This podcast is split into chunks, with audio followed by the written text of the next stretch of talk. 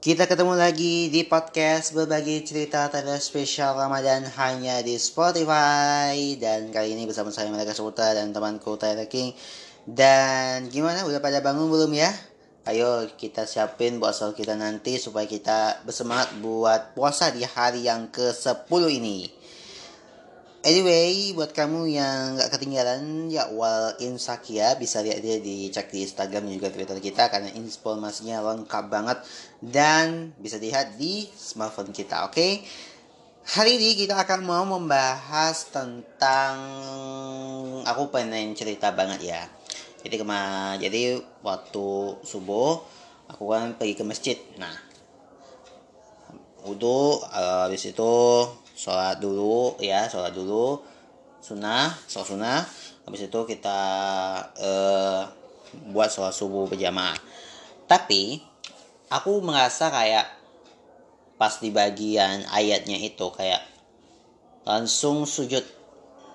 Ya langsung sujud habis itu berdiri lagi lanjutin ayatnya. Nah, sebenarnya sih uh, aku tuh merasa kayak ini mungkin ini adalah sujud cawi atau enggak sujud sajadah gitu kalau aku kalau aku nggak salah ya sujud sajadah nah sebenarnya kita akan mau membahas tentang sujud sajadah kita akan cek di browsing kita ya guys sujud sahada oke okay. kita buka dulu oke okay. kita akan mau membahas tentang sujud syahadah dan keutamaannya. Oke, tanpa lama-lama kita langsung saja kita mulai ya. Jadi sujud sahada ini atau yang sering disebut dengan tilawah adalah gerakan sujud yang dilakukan di waktu sholat subuh berjamaah pada hari Jumat.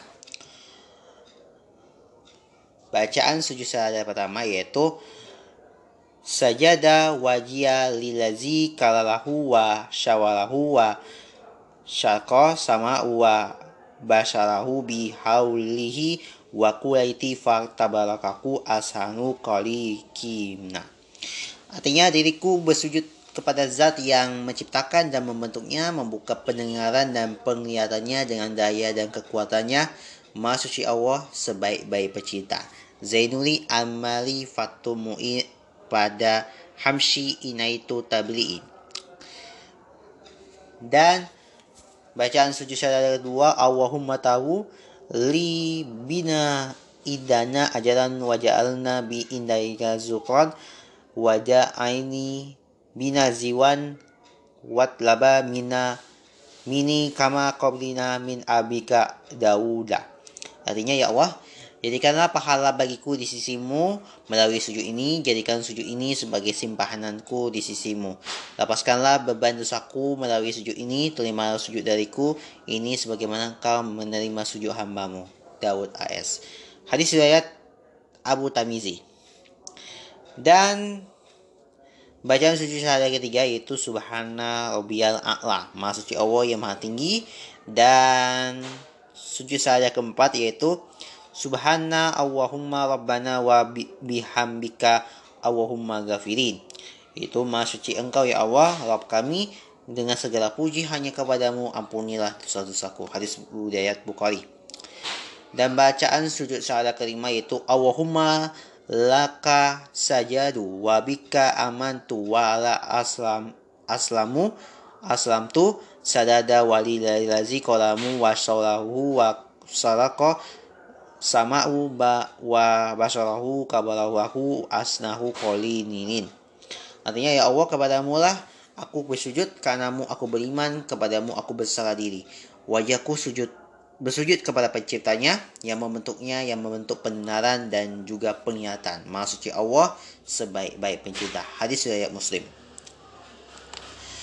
Sebenarnya sih, menurut Imam Abu Hanifah seperti yang ditertera dalam pada kitab Al-Masbuk menyatakan bahwa sujud sajadah ini adalah wajib.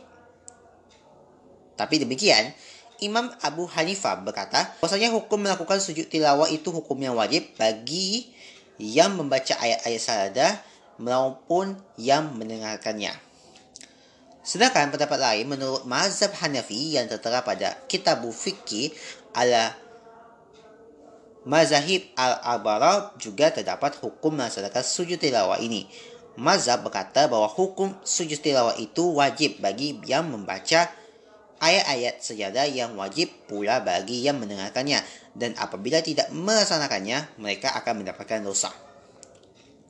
Berikutnya, ada beberapa ulama sujud tilawah itu hukumnya sunnah dan tidak wajib. Zaid bin Tamizi pun pernah meriwayatkannya. Aku pernah membacakan pada Nabi Shallallahu Alaihi Wasallam surah An-Najm. Tak kala bertemu pada ayat sajadah dalam surat tersebut beliau tidak bersujud. Hadis riwayat Bukhari dan Muslim. Kita lihat syarat pelaksanaan sujud sajadah. Kita mulai dari di luar sholat. Yang pertama adalah harus dalam keadaan suci dan hadas. Harus dalam keadaan suci dari hadas, besar maupun kecil. Menurut aurat, menghadap ke arah kiblat, tidak berbicara, dan syarat lain seperti kita menghendak melaksanakan sholat.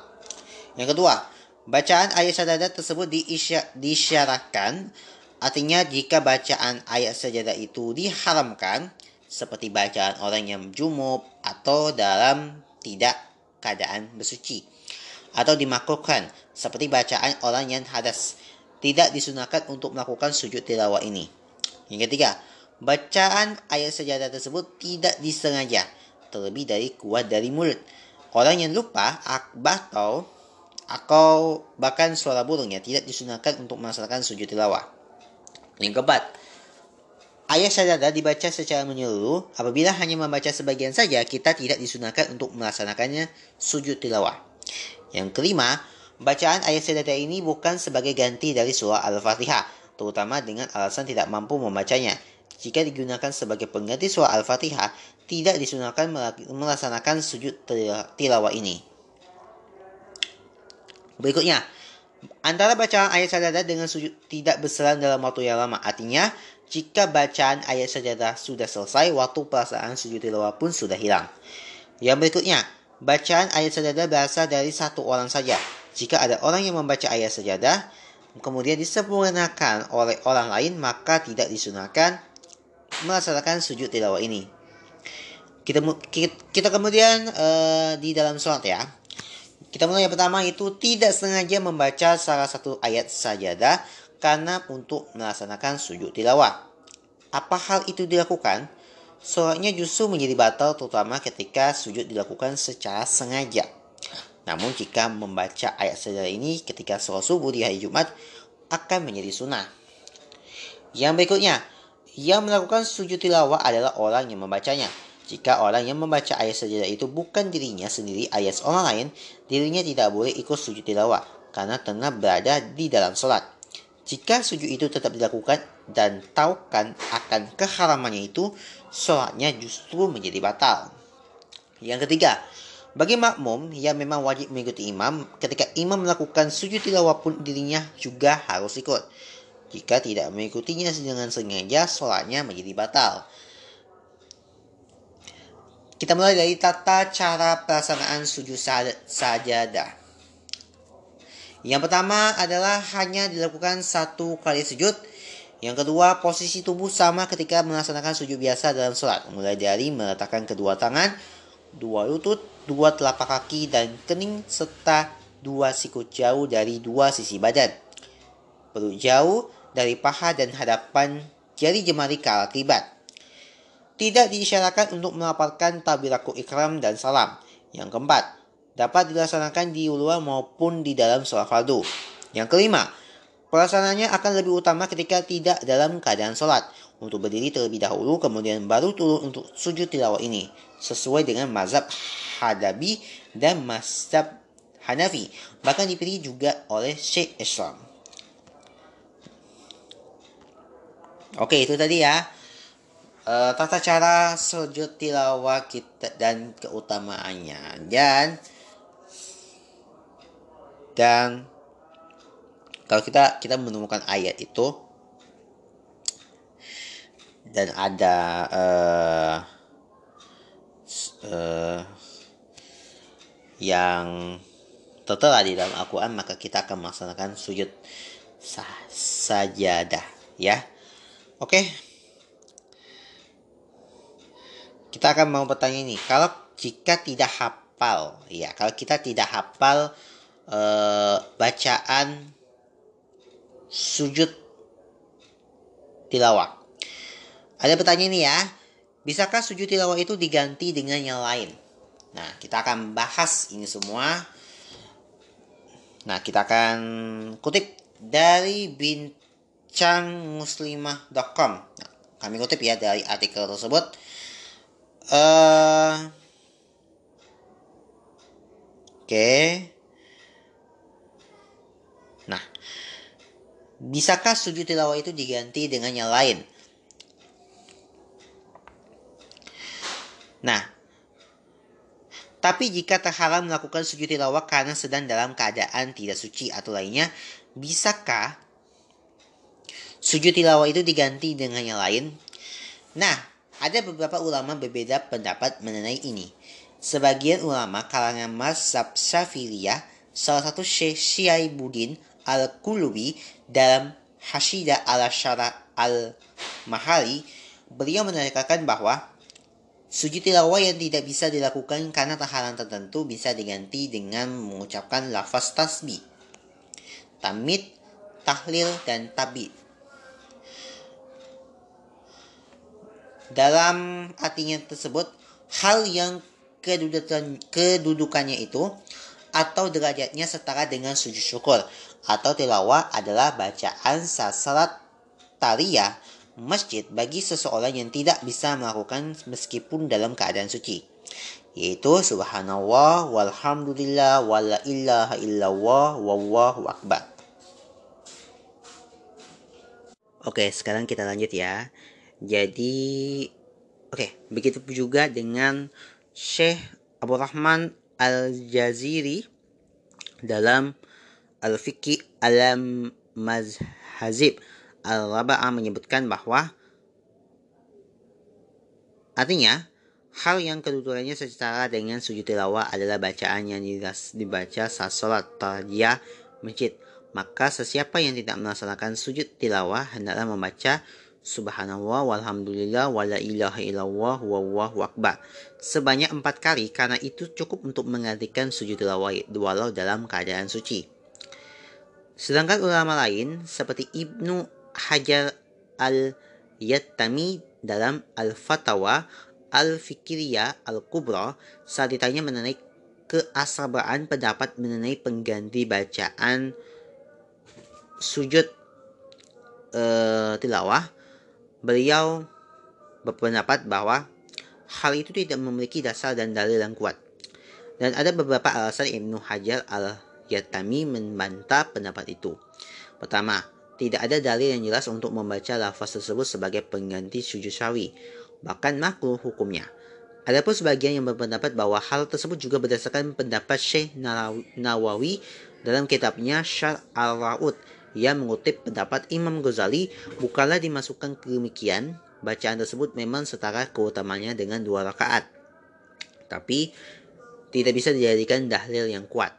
Yang kedua, jika benar Rasulullah melakukan demikian, tidaklah ditemukan kiasnya. Dan ketiga, bacaan atau lafaz tersebut adalah keutamaan dan kekhususan yang hanya didapatkan di dalam sholat tayat masjid, tidak selainnya. Maka ulama yang tidak sependapat dengan Ibnu Hajar dan ulama lainnya mengganti sujud tilawah dengan memberi isyarat berupa menundukkan kepala saja saat menundukkan kepala saja saat mendengarkan ayat saja. Dan demikian pendapat Demikian perbedaan pendapat mengenai adanya atau tidak pengganti sujud tilawah. Mungkin tidak memasuk menimbulkan uh, pertikaian dari perbedaan ini, melainkan untuk memupulkan rasa saling menghargai dan menghormati. Walau walam bisalab. Oke, okay. tapi uh, kita bahas ya tentang dalam dunia persepak bolaan. Tapi hukum sujud syukur bagi pemain bola setelah mencetak gol. Nah, dan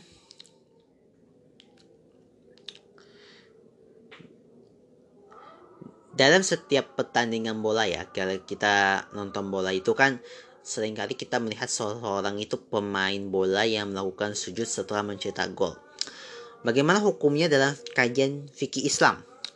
Nah, sujud yang boleh dilakukan oleh seorang muslim di luar surat adalah sujud tilawah dan sujud syukur. Sujud tilawah dilakukan karena seorang mendengar atau membaca ayat-ayat saja dalam Al-Quran.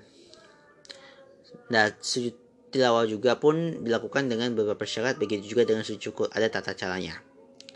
Nah, uh, oke. Okay.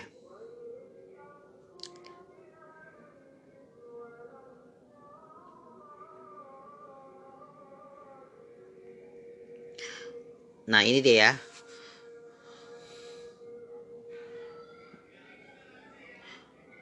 Dalam adapun sujud tilawah, mayoritas ulama dalam kitab Asnal Matalib dan biayatul mutajib. Uh, sujud tilawah harus dilakukan dalam keadaan suci dan beberapa ulama lain berpendapat tidak demikian. Begitu juga dengan sujud syukur. Sebagai ulama berpendapat perlunya menjaga hadas namun tidak sebagian lain tidak ya. Dari menandai adanya sujud syukur adalah hadis Nabi yang disampaikan oleh Abu Bakar menyatakan bahwa sesungguhnya Nabi Muhammad SAW Apabila mendapatkan perkara yang membuatnya senang atau membuatnya bahagia, maka ia menjatuhkan diri untuk bersujud dan bersyukur kepada Allah. Hadis riwayat Abu Daud, Ibnu Majah dan At-Tamizi. Dalam fikih sunnah karya Syed Sabit, ada beberapa ulama yang memperbolehkan sujud syukur tanpa harus berwudhu. Berwujud pada dalil-dalil umum tentang sujud syukur yang dilakukan oleh Nabi. Tidak ada petunjuk yang memberi informasi apakah Nabi memiliki hadas atau tidak apakah Nabi dalam keadaan berwudu atau tidak. Begitu juga hadis yang dilewatkan oleh sahabat Abu Rahman menyatakan bahwa dari Abu Rahman bin Aruf berkata, suatu ketika Rasulullah Alaihi Wasallam keluar, kemudian aku atau aku mengikuti beliau. Ketika beliau masuk ke kebun kurma, beliau bersujud dengan memanjatkan sehingga membuatku takut atau khawatir jika Allah mewafatkan atau mencabut kuluhnya. Maka aku mendekati beliau dan memperhatikannya. Tiba-tiba beliau mengangkat kepalanya lalu berkat, bertanya, ada apa dengan wahai Abu Rahman? Saya pun menerangkan hal itu kepada beliau dan beliau menjawab, Jibril alaihi salam berkata kepadaku, Apakah kau mau Apakah kamu mau aku sampaikan kabar gembira kepadamu? Sesungguhnya Allah Azza wa Jalla berfirman kepadamu, Barang siapa bersalawat kepadamu, niscaya aku akan bersalawat kepadanya. Dan barang siapa yang mengucapkan salam kepadamu, niscaya aku akan mengucapkan salam kepadanya. Maka aku bersujud untuk bersyukur kepada Allah. Hadis riwayat Ahmad. Dan itulah ada beberapa hadis yang tentang aktivitas sujud syukur yang dilakukan oleh Nabi tidak menunjukkan adanya keharusan berwuduk ya. Demikian yang disebutkan oleh beberapa ulama. Maka jika kita mengucut pada ulama yang tidak mengharuskan berwudhu, sujud syukur itu yang dilakukan oleh seseorang pemain bola secara mencetak gol adalah boleh. Sujud yang mengekspresikan bahagia yang luar biasa lalu kemudian mengingat Allah. Wallahu alam. Oke, sekian dulu ya informasi tentang sujud ini, sujud syukur dan sujud tilawah. Semoga ada manfaatnya ya. Dan sampai jumpa lagi di episode Ramadan berikutnya ya. Bye bye. Bismillahirrahmanirrahim. Assalamualaikum warahmatullahi wabarakatuh. Selamat sahur sahabat Tyler Gimana sahurnya hari ini? Mudah-mudahan sahurnya berkah. Mudah-mudahan kita semua dalam keadaan sehat selalu. Tetap semangat puasanya ya. Dan selamat datang di podcast berbagi cerita Tyler edisi Ramadan Yang tayang setiap hari selama bulan Ramadan di Spotify ada kami berdua, Mateka Saputra dan temanku Tyler King. Dan kami berdua masih virtual alias dari rumah. Dan kita doakan semoga anda-anda semua dalam keadaan sehat selalu, diberikan rezeki, diberikan petunjuk, diberikan hidayah dari Allah, dan diberikan kebaikan untuk kita supaya kita menjalani ibadah puasanya lebih baik lagi ya di tahun ini. Nah, kali ini aku mau ceritanya guys. Jadi waktu itu kan kita sempat bulan puasa ya puasa hampir ya agak pertengahan lah ya.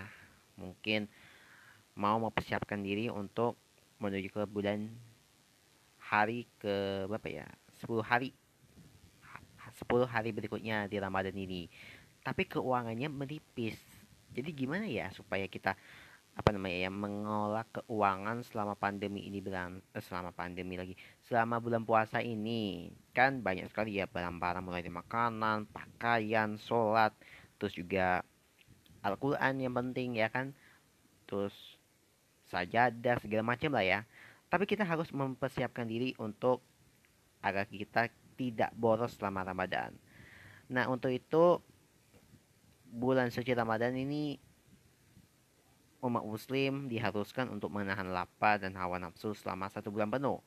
Nah, untuk itu diharuskan untuk mempersiapkan diri dengan matang mulai dari fisik, mental, dan batin. Selain itu juga yang lebih penting kita harus persiapkan anggaran selama bulan puasa berlangsung. Hal tersebut menjadi sangat penting karena kita akan menggunakan uang untuk memenuhi kebutuhan selama bulan puasa agar ibadah puasa menjadi lecar dan berkah. Nah, berikut ini ada tips nih cara mengatur keuangan agar tak boros selama Ramadan. Yang pertama, buat rencana keuangan. Nah, cara mengatur agar anggaran bulan puasa pertama adalah dengan membuat rencana keuangan menjelang Ramadan puasa dimulai.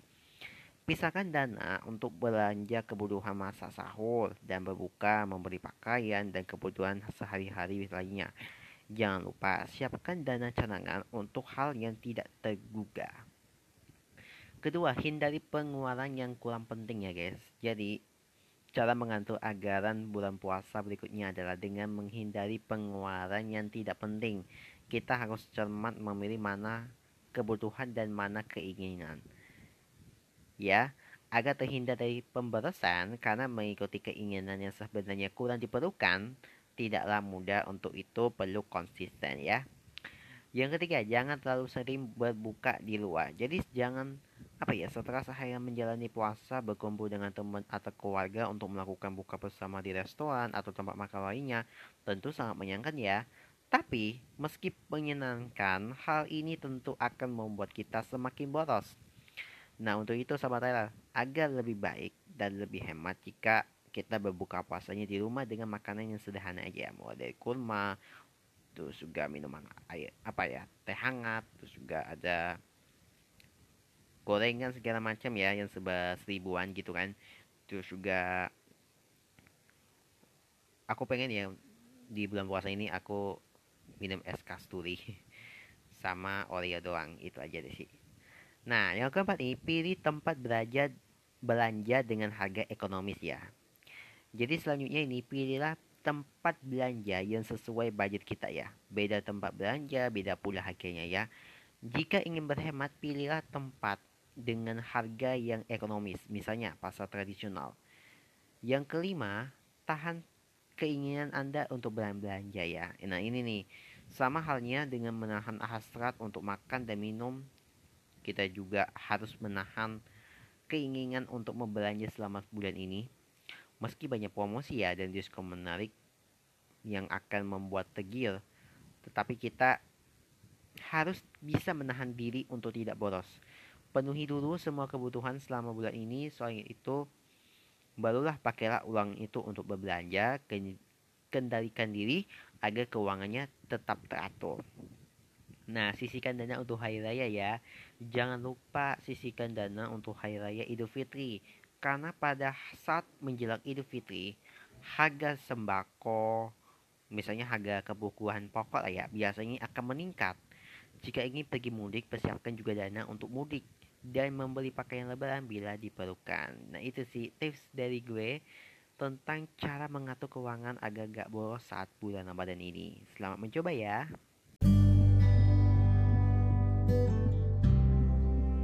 Berbagi cerita Tyler hanya di Spotify.